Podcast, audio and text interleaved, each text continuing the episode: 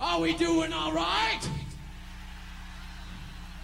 Did we all come here to kick some fucking ass or what?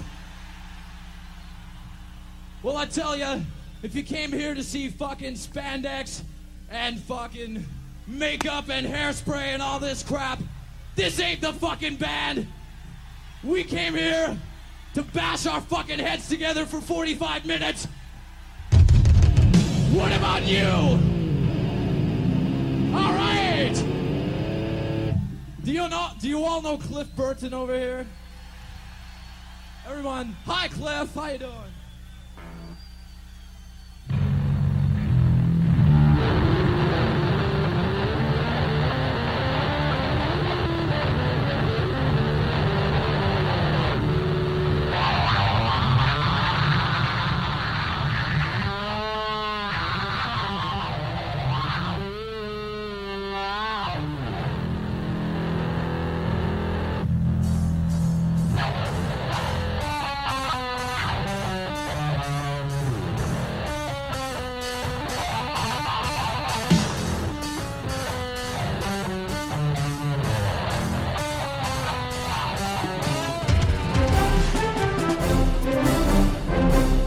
Komið í sæl.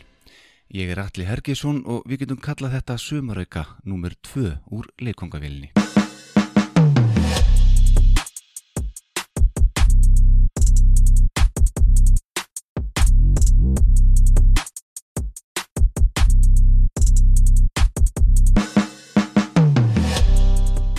Síðast fjöllum við um bassaleikaran Karol Kay sem á ótrúlegan ferilað baki og stóran þátt í sjálfri rocksögunni. Í dag fjöllum við um annan bassaleikara sem á einnig stóran þátt í sögunni en þingri part þessara sömu sögu. Hann stoppaði reyndar allt of stutt við. Hann skildi eftir sig þeimun meira af meistaraverkum frá sinni stuttu æfi. Ég hef ávalt litið gríðarlega mikið upp til hans sem bassaleikara og tónlistamanns og velti því oft fyrir mér hvernig hann hefði þróast áfram hefði hann ekki látist af slísfurum aðeins 24 ára gamall er hann var á tónleikaferðalagi með hljómsveit sinni Metallica. Saga Cliff Burton í leikvangavílinni í dag.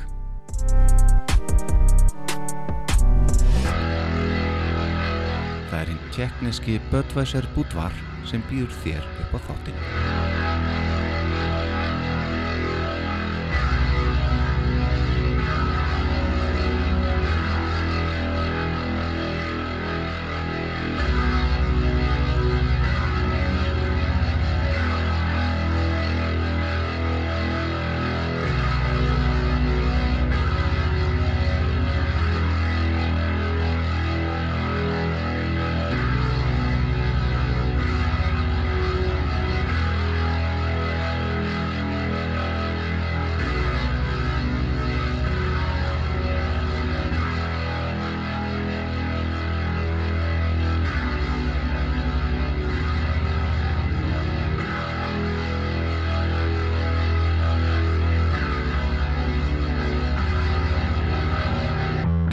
Lee Burton fættist í Castro Valley rétt utan við San Francisco í Kaliforníu fylki Bandaríkjana þann 10. februar árið 1962.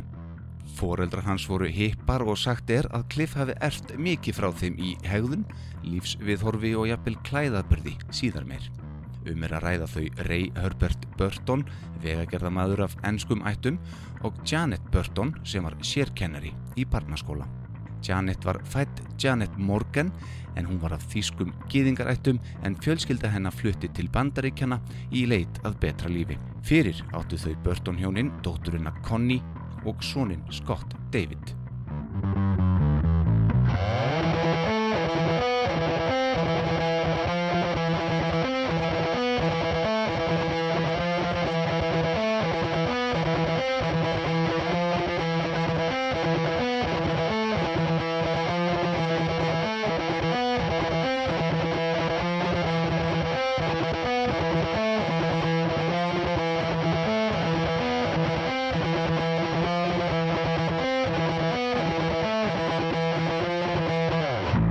Clifford, eða Cliff eins og hann var ávalt kallaður og við gerum hér eftir, var mikill einfari en gríðarlega gáfaður með við aldur. Hann las mjög mikið sem barn og var ljósárum á undan jafnöldru sínum í leshraða og lesskilningi en það eitti hann tíma sínum sem barn eitt með sjálfum sér heima við lestur á meðan önnubörn voru úti við leik. Á grunnskólaaldri var Cliff fastamæður í hafnaboltaliði skólans þar sem hann fekk viðunefnið The Big Hitter, sökum hæfni sinnar á vellinum. Það er ekki eina viðunefni sem hann fekk á úlingsaldri því á laugardugum í þá daga vann hann á eins konar vinnutækja leigumarkaði þar sem samstarfsmenn hans voru allir mun eldri en hann. Þarna var Kliffa sjálfsög komin með þetta síða hársitt sem hann held í alla tíð og það kunnu þessir eldri samstarfsfélagar hans á leigumarkaðnum ekki að meta og mætti Kliff því alltaf með úrsýrslitinn kúrikahatt til vinnu þar sem hann faldi hárið upp í hattinum. Þar fekk hann viðunefnið The Cowboy. Cliff kemur ekki af miklu tónlistafólki þó svo fóreldrar hans hafi að sjálfsögðu hlustað eitthvað á tónlist á heimilinu. Cliff var algjörlega einstakur hvað þetta varðar innan fjölskyldunar. Fadir hans, Ray, kynnti Cliff snemma fyrir klassískri tónlist þar sem hann tók strax mikið ástfóstu við og um 8 ára aldur var Sebastian Bach farin að hljóma undir þegar Cliff sökk sér í næstu bók og mátti heyra síðar áhrif í bassaleik hans frá Sebastian Bach. Líklega er besta og frægasta dæmið Damage Incorporated sem er lokalag Master of Puppets þriðju plötu Metallica og síðustu plötu Cliff með bandinu. Þetta bassa intro samdi og spilaði Cliff undir miklum áhrifum frá Johann Sebastian Bach og þetta er tekið upp á 12 rásum, hlustið á.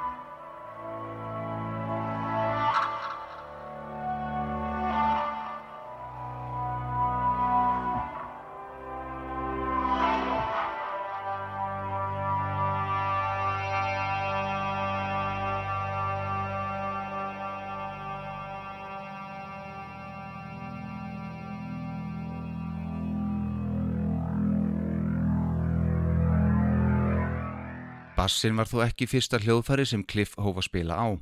Eftir að fadir hans hafði heitlað hann á klassísku tónlistinni hóf Cliff að sækja píanotíma og var á táningsaldri orðin mjög frambærilegur píanoleikari. Hann hóf þá að skoða betur þær tónlistarsenur sem í bóði voru og heitlaðist hann að til dæmis jazz, blues, country og suðuríkjarokki áður en hann kolfjall fyrir þungarokkinu og tók hann þá upp rafbassan. Það var svo í mæ árið 1975 þegar að Cliff var aðeins 13 ára að Scott, bróður hans, lest úr heilahefnubolgu aðeins 16 ára að aldri. Þetta fekk mikið okkar mann og þremur til fjórum mánuðum eftir fráfall bróður síns tilkynnti hann fóröldurinn sínum það að hann vildi læra á bassa og ekki bara það, Hann ætlaði sér að verða besti bassaleggar í heimi fyrir skott bróðir og samkvæmt rey, föður hans, æði hann sig á bassan alla tíð eftir þetta að lámarki 6 klukkustundir á dag. Meira segja eftir hann gekk til liðs við Metallica, 6 tíma á dag til döðadags. 13 ára hafði Cliff tekið ástfóstri við bassan og sándið í hljóðferinu. Hann vildi Olmur læra á þetta hljóðferi og hann hafði gríðarlega góðan grunn til að byggja á allt píanonámið. Rey fæður hans sagði í viðtali árið 2019 að ástæðu áhuga hans á bassaleik með rekja til gaman sjómastáttana um lauruglufulltrúan Barney Miller sem síndir voru á ABC sjómastöðinu áránum 1975 til 1982. Í upphafslægi þáttana mátti heyra intro spilaður af bassa sem okkar maður fjall algjörlega fyrir.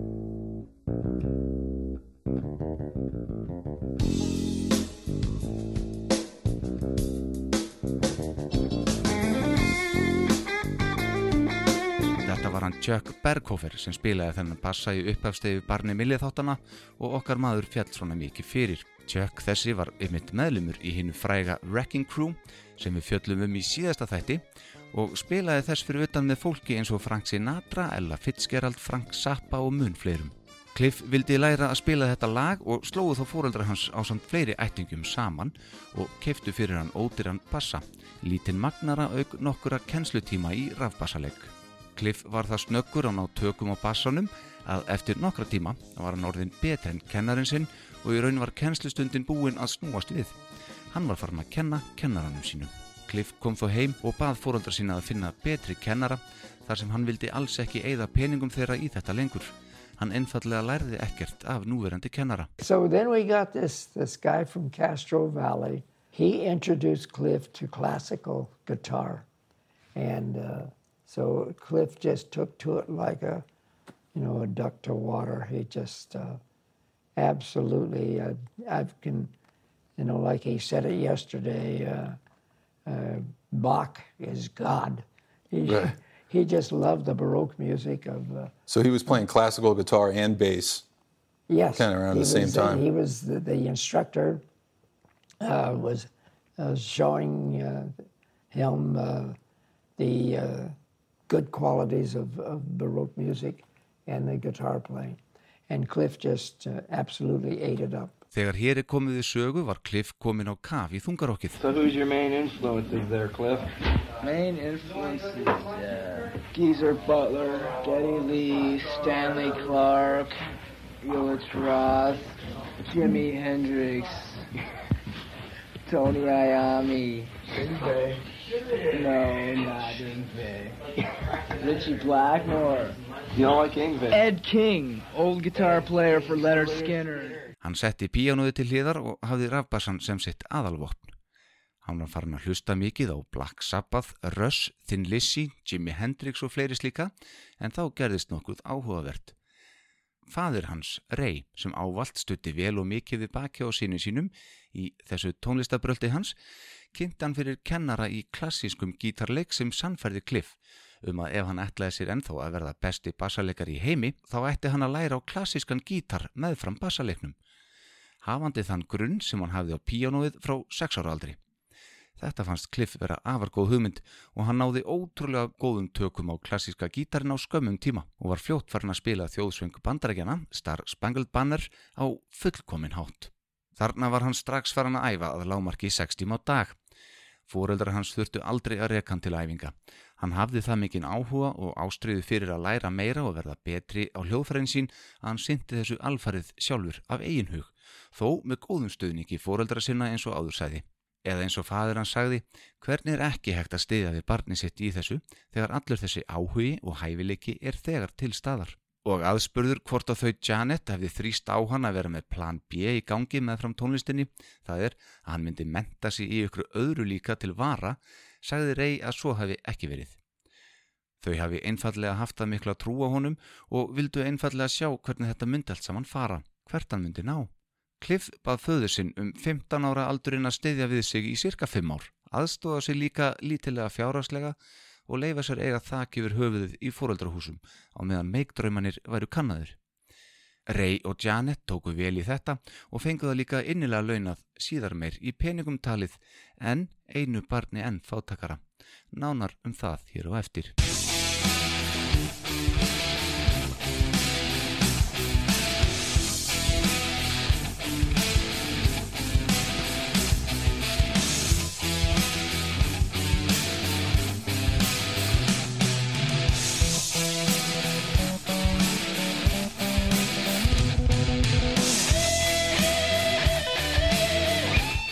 Fyrstu hljómsveitina stopnaði okkar maður árið 1977.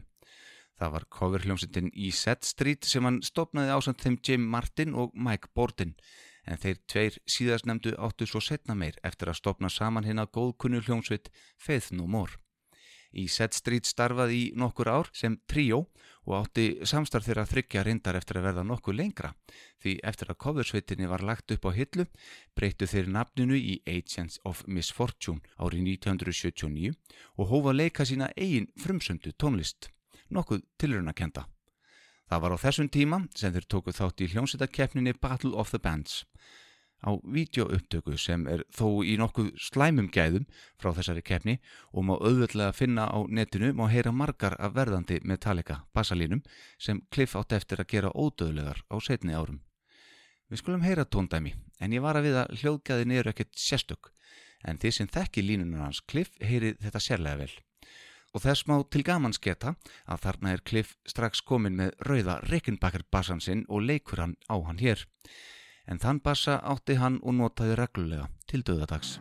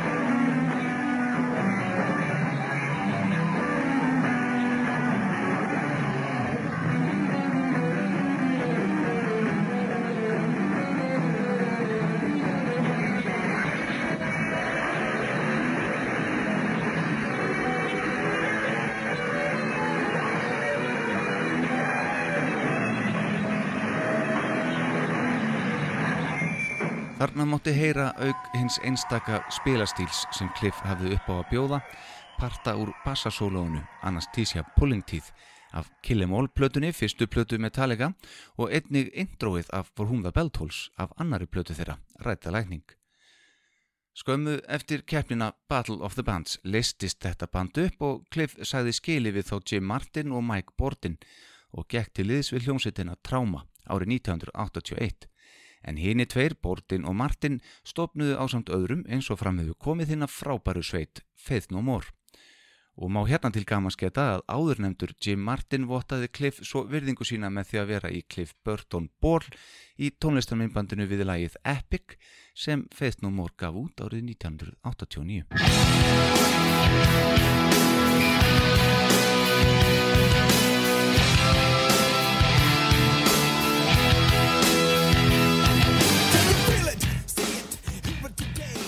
Árið er 1981 og Cliff Burton er nýlega genginn til liðs við Trauma. And he wasn't pleased with trauma. Trauma was too, uh, I like to use the word schmaltzy. And in other words, they, they were not heavy metal. It, Yeah, a little it too wasn't, commercial. yeah. It, Cliff always, in my opinion, he, he kind of looked at, uh, uh, he wanted to be with a band that uh, essentially was uh, jamming all the time. And yet it, it was controlled, but it was still kind of a jam. With Trauma, he was really not satisfied. It was just a, a band that uh, he felt uh, if he was going to make a living at the thing, he had to be in, uh, kind. Það var ekki allslæm hljónsvitað margra mati og áttu þeir nokkuð stóra og mikla meikdrauma. Með Trauma fór Cliff í hljóðverð þar sem eitt lag var hljóðritað, lagið Such a Shame og kom það út á saplutinni Metal Massacre 2 árið 1982. Cliff leið ekkit voðalega vel í Trauma en það var hljómsveitin mun glískjarnari en hann vildi standa fyrir.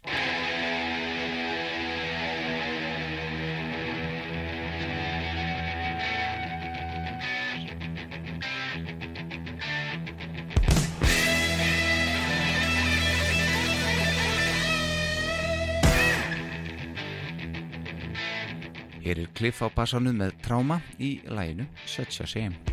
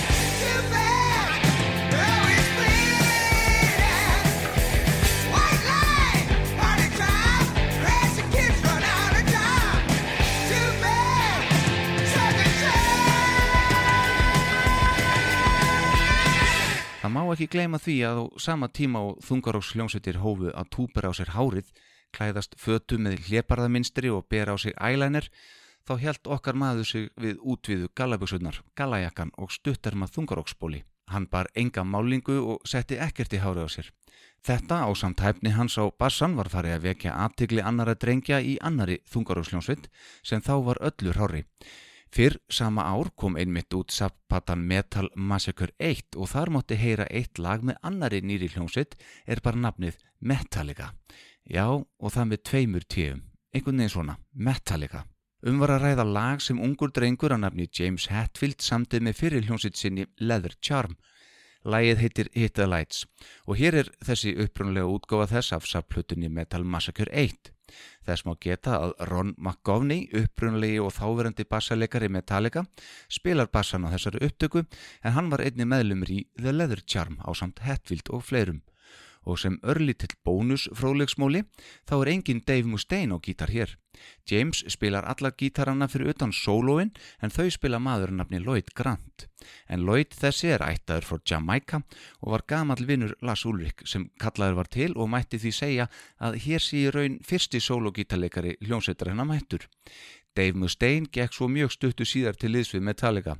Heyrum hvað Lloyd Grant sagði um þetta í viðtali í mars árið 2015 og hlýðum svo á þið upprönnulega Hit the Lights. He called me and said they got to be in this uh, compilation album, and he brought over a tape of Hit the Lights recorded on a four track, and asked me to play some, uh, make some solo for that, and they're to bring the four track down, and we just put it on and dump it on the compilation album. That was Metal Blade One. And you know what, Lloyd? Yeah. There's a lot of super groups. Well, I, I call them super groups, but bands that Armored Saints on there, Rats on there, and, and, and several others right. that, that, that went on to got, get major labels and, and really do something. Yeah, that's right. So you That's recorded, right. There's, there, there's some of them still existed in LA, like the band. You remember Bitch, right? sure, Betsy. Yeah, mm-hmm. yeah. Yep. She was she was on there. And that was Metal Blade or uh, Metal Massacre One, and they went on to release several of those with a bunch of other you know bands that. Uh, Yeah, that's right. Because when Dave Mustaine came in the band, they were doing another release with just his solos.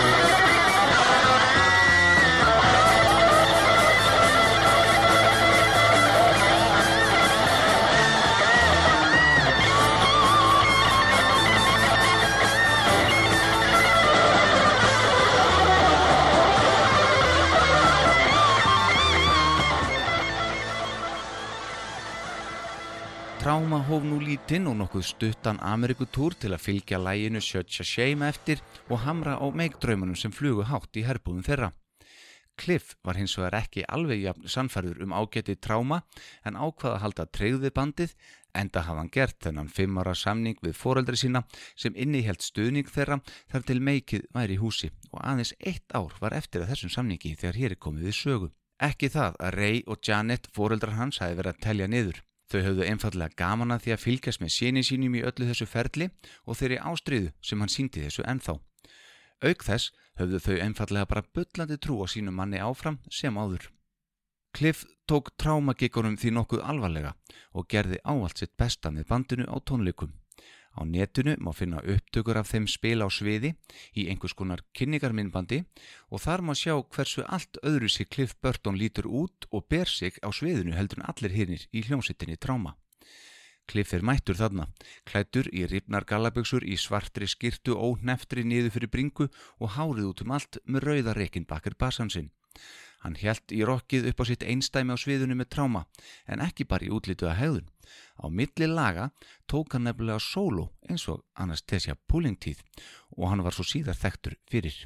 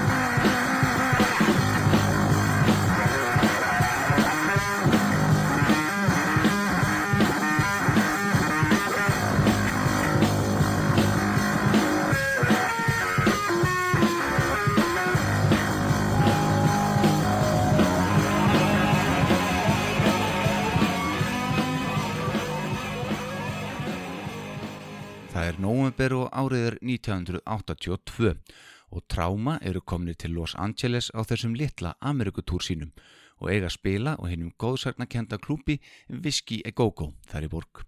Eins og áður sagði var Cliff farin að vekja aðtilli þegar Lars Ulrich og James Hetfield sem nú vantaði bassaleikara eftir að Ron McGovney sagði skilið við bandið. Þetta kvöld voru þeir Lars og James því í salnum til að tjekka á Cliff en það hafði Brian Slakel, útgefandi Metal Massacre hljómplatnana, líka mælt með Cliff. What happened is that Trauma went down and was uh, performing at the uh, Whiskey a Go Go there in, in Hollywood, and uh, James and Lars had just gotten notice from uh, their bassist, and uh, he was uh, wanting to go back to school. Those two guys came along when Cliff uh, uh, was playing at, uh, at the uh, Whiskey a Go Go because they came to him after the, my understanding uh, after the show and said, "Hey, we would like to uh, s- uh, get to know you a little better." I guess some of the words. And Það er skemst frá því að segja að báður þeirri Lars og James fjallur hreinlega í stafi við það að sjá og heyra í Cliff Burton þarna á sviðinu með tráma. Eftir tónleikana gáðu þeir sig á tal við Cliff og sögðunum að þeir vildu ólmir fá hann í Metallica. Cliff síndi þessu áhuga en þó með trega. Hann kannaðist vel við bandið eftir að heyrt Hit the Lights á Metal Massacre 1 ári áður. Tónlist Metallica átti líka betur við Cliff sem á útlitt og lífstíl þeirra Lars, James og Dave. Þarna baksviðs á Whiskey a Go-Go þetta kvöld snemma í nóvember 1982 var þó ákveðið að þeir fengu símanúmer heima hjá Cliff. Það er í foreldrahúsum hans þar sem hann bjó. Þarna tóku við endalus símtöl frá Metallica þar sem Lars Ulrich fór fremstur. Ray Burton, fadir Cliff, sagði að Lars hefði ringt þrísvar til fjóru sinum á dag næstu vikurnar. so Lars was the main guy that kept calling Cliff, and, and I mean kept calling him. It, uh, it almost seemed like it was uh, three and four times a day. But and so one one day I asked uh, Jen, I said, who's, this, who's Cliff talking to so much on the phone? And he said, oh, there's a band down in uh, Los Angeles that want, uh, wants him to join them, and, uh, but they want him to move to L.A., no. Cliff var þungt hugsi í nokkra vikur eftir þó nokkrar samningavirðar þeirra á milli og það sem meira er hvað síndi hversu heitt Metallica vildu fá hann í bandið ákvaðu Lars, James og Dave að flytja norður og ákvaðu að gera bandið út frá bænum El Cerrito en sá bær er á stærfið Akureyri og er rétt utan við San Francisco. Þar settust þeir að í húsi sem enn þann dag í dag dregur árlega að sér gríðarlegan fjölda aðdáðanda viðsvegar aður heiminum til þess eins að berja húsið augum. Þetta fjall afar vel í kramið hjá okkar manni og gekk hann formlega til liðsvið Metallica í desember árið 1982 og sagði því skilið við tráma af mikilli ánægjur reyndar en einni þakklætti þar sem honum tókst í raun ætlunarverksitt að nota tráma sem stökkpall í eitthvað annað og betra. Í viðtali, laungu síðar, sagði James Hetfield svo að flutningurinn þarna norður hafði raun ekki verið neitt vandamál, verið lítilsáttar ákvörun þar sem að Metallica voru komni með góðan aðdæðandahóp í San Francisco á meðan að LA síndi þeim mun minni áhuga. Hljómsveitin Trauma er þó ennþá til og gáðu þeir meðal annars síðast út plötu árið 2018 og heitir hún As the World Dies og hann á að finna á Spotify. Þegar að Cliff gekk til liðs við Metallica var bandið búið að taka upp fjölmarkar demoupptökur í þeim tilgangi að hitla vendanlega útgefundur. Sem dæmi þá höfðu No Life til leður upptökurinnar þeirra ratað á borðið hjá John Sasula, eiganda og hæstraðanda hjá Megaforce Records og hafði hann hugað því að gefa bandið út. Í þeim upptökum mátti finna lög eins og Motorbreath, Seek and Destroy, Jump in the Fire og fleiri lög sem enduð á plasti síðar meir. Eftir komu Cliff Burton í bandið fannst þeim þeir þurfa að bæta við upptökum með þessum nýja og ótrúlega bassalegara til að kynna frekar fyrir John Sasula hjá Megaforce Records. Úrvarð að bandi fór í stúdíu á ný þann 16. mars 1983 og tóku upp lögin Whiplash og No Remorse og eru þessar upptökur nú þekktar sem The Megaforce Demos. Þetta voru fyrstu upptökur með talega með Cliff Burton en jafnframt þær síðustu með Dave Mustaine á gítarinn.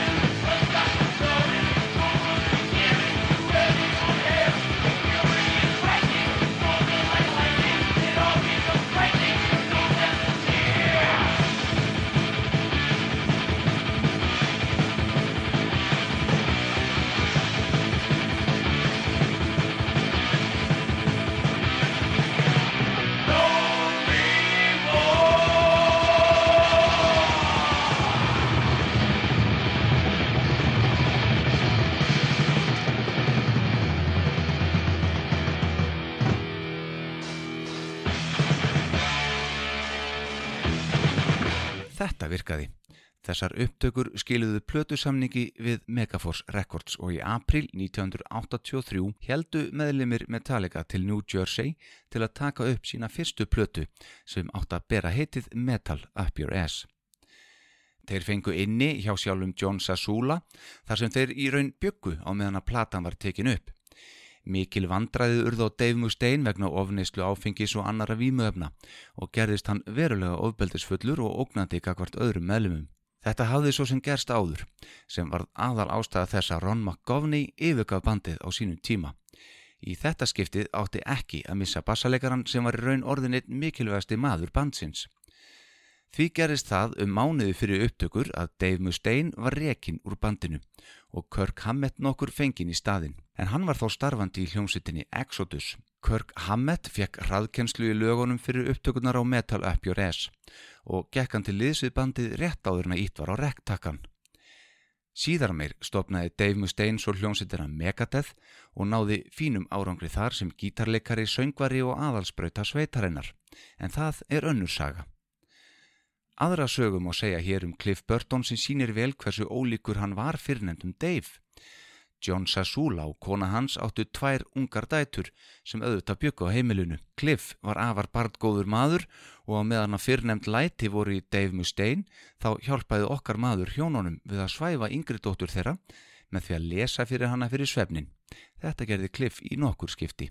Í þessu upptökuferli á Metal Up Your Ass bönnuðu bæði útgefandin sem á væntalugur dreifingaræðili plötunar að platan skildi heita Metal Up Your Ass. Þeir óttuðust að platan fengi ekki það plási hillunum sem að þeim fannst hún eiga skilið. Meðlimir Metallica voru þó einni búin að ákveða að á umslægi plötunar væri mynd af blóðugum hníf í hendi einhvers komandi upp úr klósettinu. Við þær fréttir að þetta ætti að banna, sagði okkar maður, oh fuck, just kill them all, og átti þar við útgefandan og dreifingaræðilan.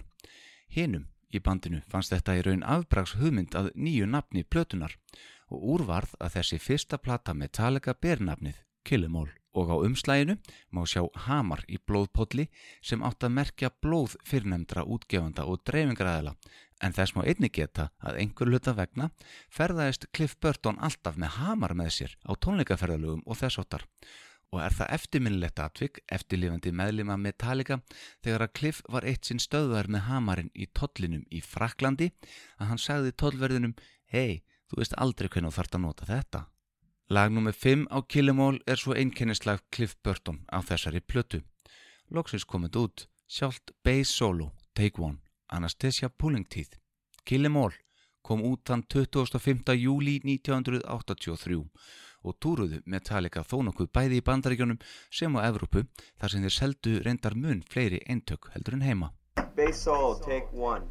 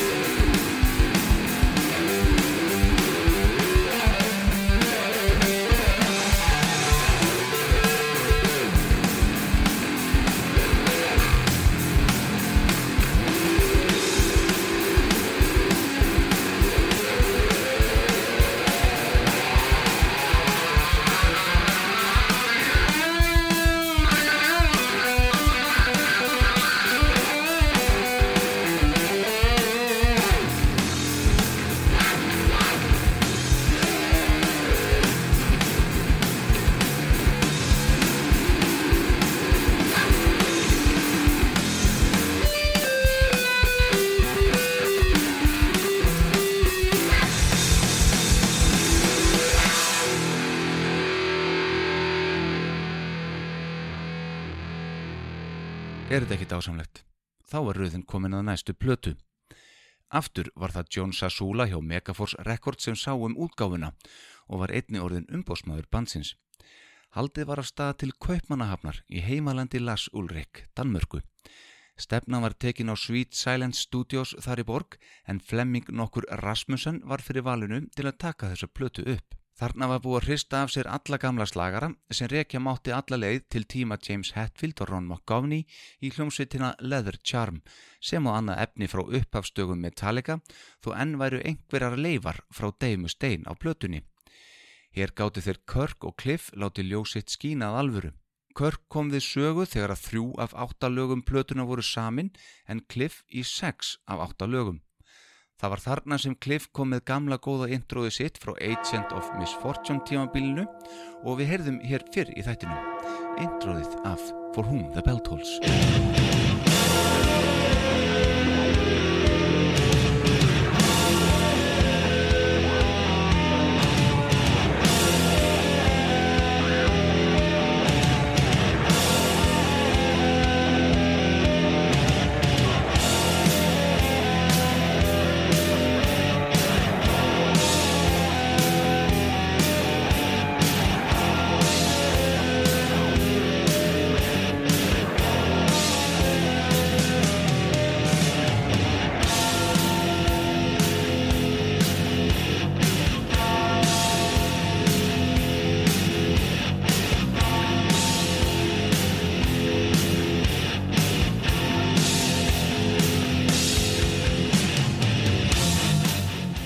Cliff var einnig farin að notast meira við effektana sem hann var svo þekktu fyrir og var einmitt ein af ástæðum þess að Lars og James fengu hann í bandið. Í raun var ekki nokkur maður sem spilaði að bassa á þessum tíma með þessa effektasúpur og vápetala eins og Cliff gerði. Þar að auki notaði Cliff aldrei nokkur tíma nögl við spiljamisku sína og má líklega rekja það aftur til kennslutímana sem hann fekk á klassíska gítarin og náði svo góðum tökum á sem úlingur. Til dæmis í instrumentalæginu The Call of Cthulhu má heyra einstakka spilamennsku Cliff Burton, allalið. Auk þessara laga á samt auðvitað fleiri frábærum lögum geimdi þessi plata fyrstu balluðuna frá Metallica. James Hetfield sagði svo frá í viðtali síðar að hann hefði verið drullustræsaður að setja þetta lag á plötuna þar sem Metallica voru þekktir fyrir allt annað en balluður.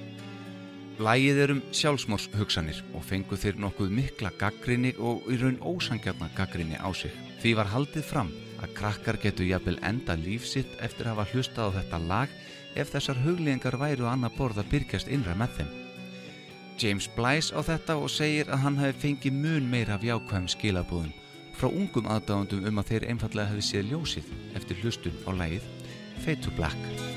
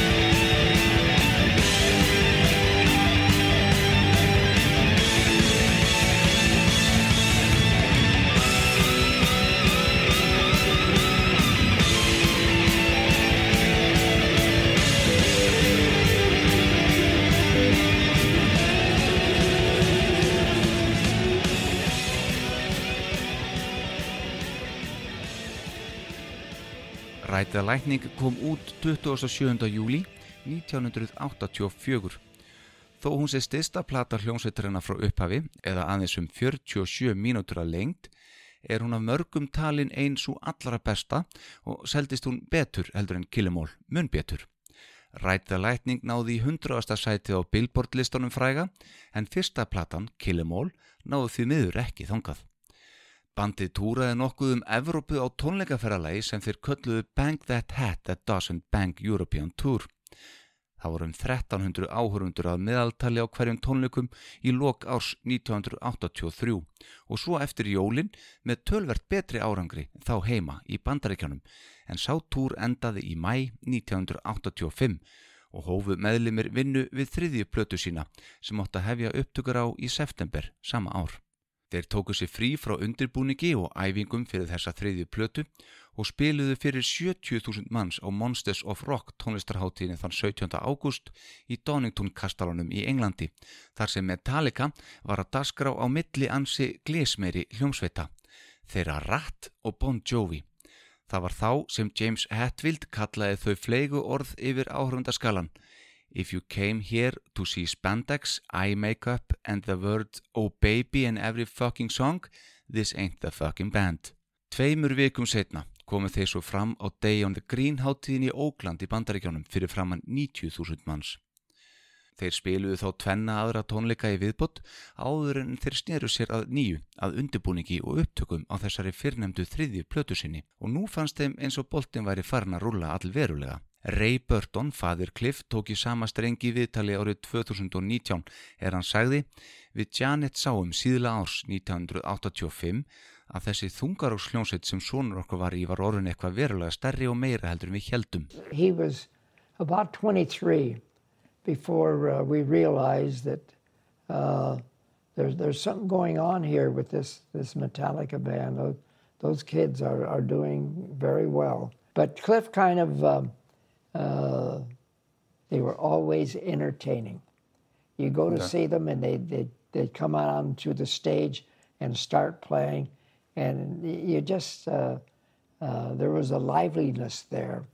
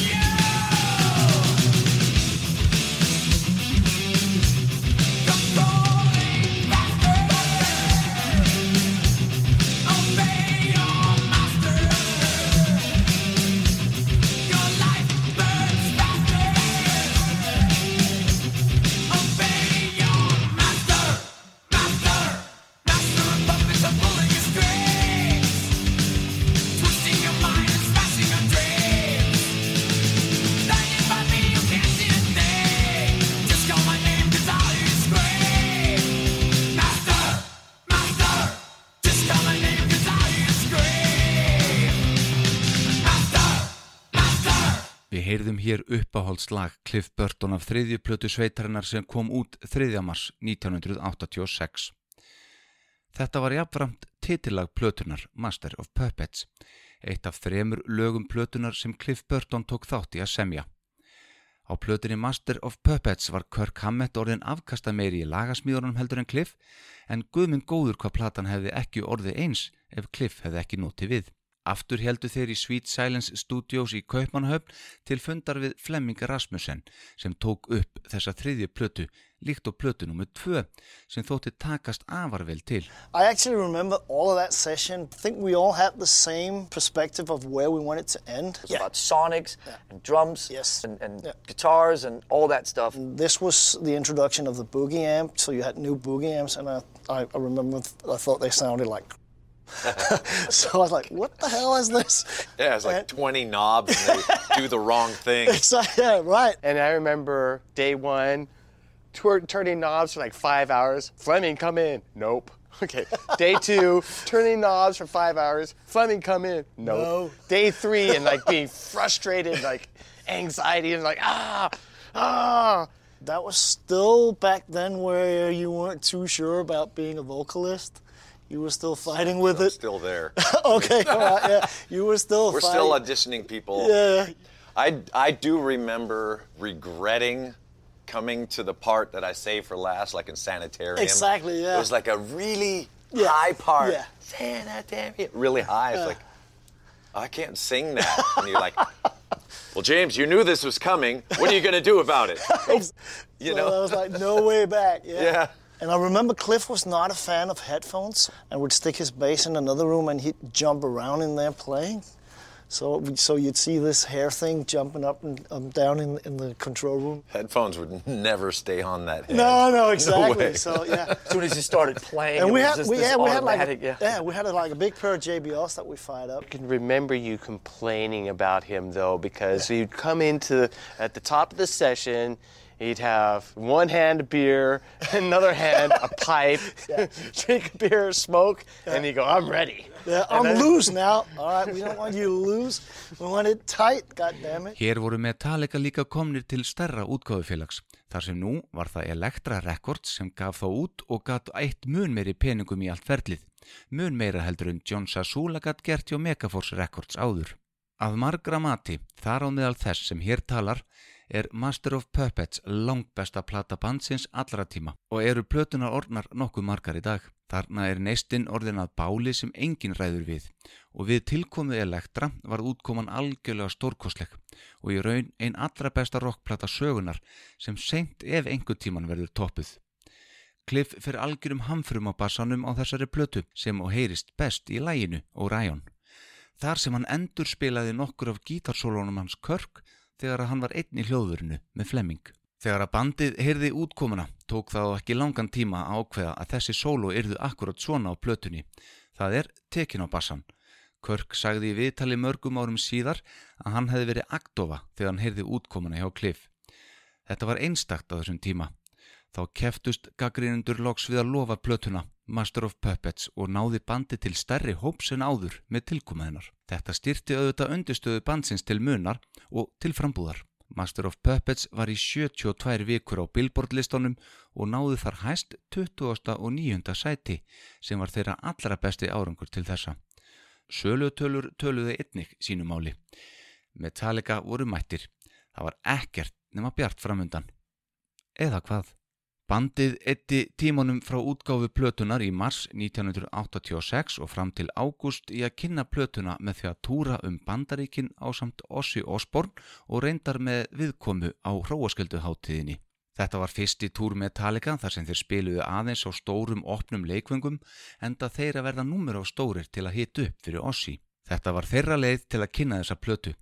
Þeir gerðu ekki eitt einasta tónlistamindband og gáðu ekki út eina einustu smáskifu.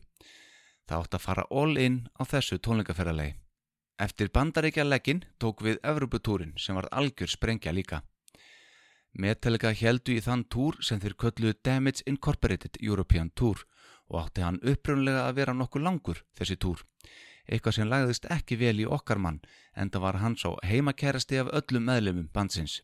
Þið munið, hann vildi ekki einu sinni flytja til LA um árið til að geta gengið í bandið heldur komið þeir til hans. En gott og vel, þeir hófu túrin þann 10. september 1986 í borginni Cardiff í Wales og spiluðu í 12 borgum á næstu 14 dögum þar til komið var að Solnahallen í Stokkólmi í Svíþjóð 27. september 1986.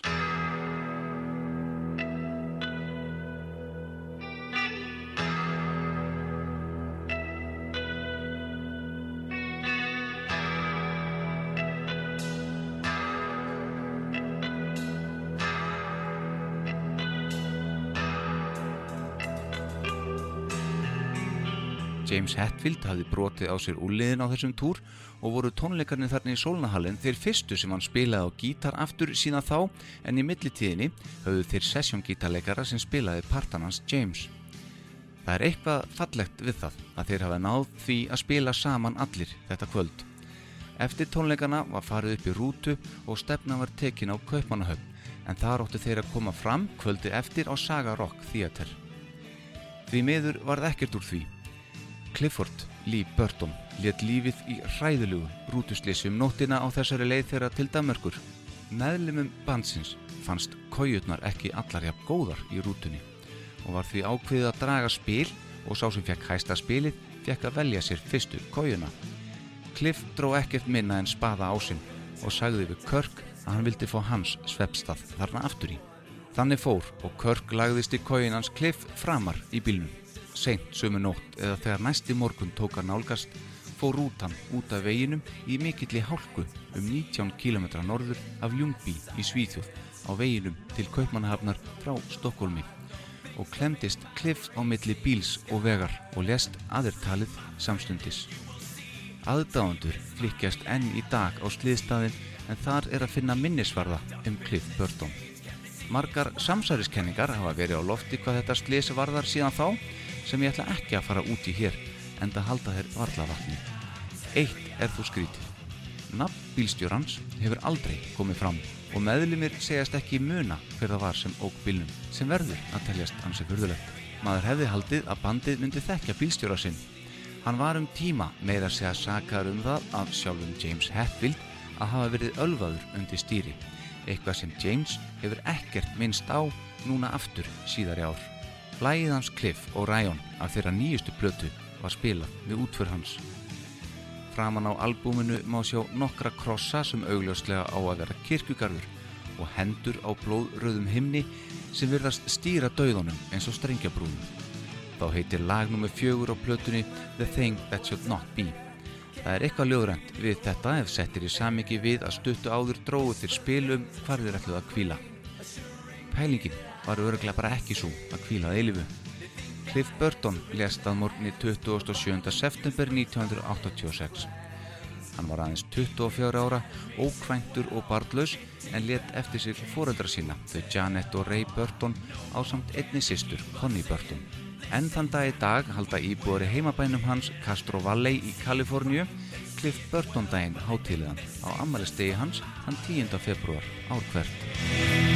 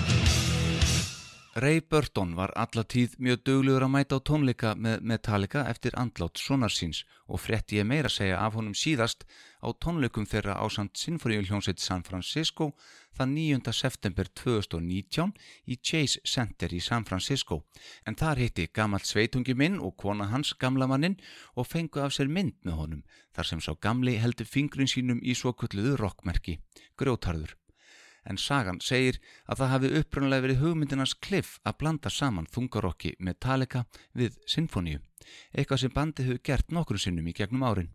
Eftirlifandi meðlimir Metallica gáfi svo út myndbandið Cliff Emol árið 1987 í minningu Cliff Burton sem er frábært áhorf fyrir áhuga sama og er hún aðgengilegi heilsinni á YouTube. Í gegnum árin hafa Metallica verið döglegir að minnast vinnarsins hvort sem er á tónleikum, í viðtölum eða öðru. Eins hefur Ray Burton haldið upp í minningu svona síns alla tíð og gaf hann stóran hluta af höfendalönunum hans Cliff sem runnu eftir andlátið óskipt til hans. Ray gaf þetta til barna í tónlistarnámi í gamla skólanum hans Cliff. Hann minnist þess í viðtali árið 2016 að eitt sinn hafi Cliff þá sem unglingur sagt við mömmu sína að eitt daginn myndi hann kaupa fyrir hann að fallegt hús. Í raun stóð Cliff við þetta en hann fekk bara ekki það sjálfur. Burton fjölskyldan hefur meira og minna lifað af tekjónum sem þau erfðu frá ferli svona síns og bárust þeim árlega. Peningarnir læknuðu enganhátt sorgina að þeirra sögn en settu þó plástur á sárin. Ray hjælt miklu sambandi við eftirlifandi meðlimi Metallica allt til döðadags og kvatti þá ávalt áfram þrátt fyrir að Cliff naut ekki lengur við. Hann kom þó fram á samt bandinu að þeirra ósk þegar þeir voru teknir inn í Rock'n'Roll Hall of Fame árið 2009 og hjælt hann það ræðu sem fekk mikið lofatak en það var hún alfarið til minningar um svon hans, Cliff Burton. Cliff hefði sjálfur átt að fá að standa þarna með þeim. Uh, my name is uh, Ray Burton. I'm uh, Cliff Burton's dad. Am I getting closer? All right, how's this? Can everybody hear me? Great. Uh, after that speech, uh, uh, reminds me of an old uh, radio show, uh, Can You Top This? I thought that speech uh, was absolutely fantastic. but uh, uh, I just want to thank the uh, Hall of Fame uh, Selection Committee for uh, uh, selecting these wonderful young men behind me. And they're a great group. And the thing I've always liked about them is you see them play uh, in, in person and you just immediately get a big smile on your face. There's something about them that just brings a smile on. It's a, it's a degree of happiness that they have a, uh, a great ability to uh, uh, perform that way. So, anyway, what else? Um, uh, I want to. What? Uh, I'll, I'll cut it short. But there is, there is one, one person that I want to uh, uh, mention, uh, a person that I think was uh, Metallica and uh, certainly Cliff Burton's uh, greatest fan, and that was Cliff's mother, Jan. And with that, I thank you very much and enjoy the rest of the evening. Hver veit hvernig Metallica hefði þróast og almáttuður hvernig hefði fjórða platan með Cliff áfram á bassanum hljómað. Það fáum við aldrei að vita, en tvent vitum við vel. Í fyrsta lagi að Lars og James hefðu sennilega ekki slögt á bassanum á fjórðu skifunni og í öðru lagi að áhrifin sem Cliff hafði á þúsundir bassaleikara og aðra tónlistamenn og í raun hefur enn í dag eru gríðaleg og valdi til að mynda Rolling Stone tónlistatímaritið Cliff sem nýjunda besta bassaleikara allara tíma. Enda skilur hann eftir sig hvert meistarverkið á öðru og breytti svo mörgu þegar það kom að bassaleik þrátt fyrir að hafa gengið við tveðra sinna nánast sem barn 24 ára.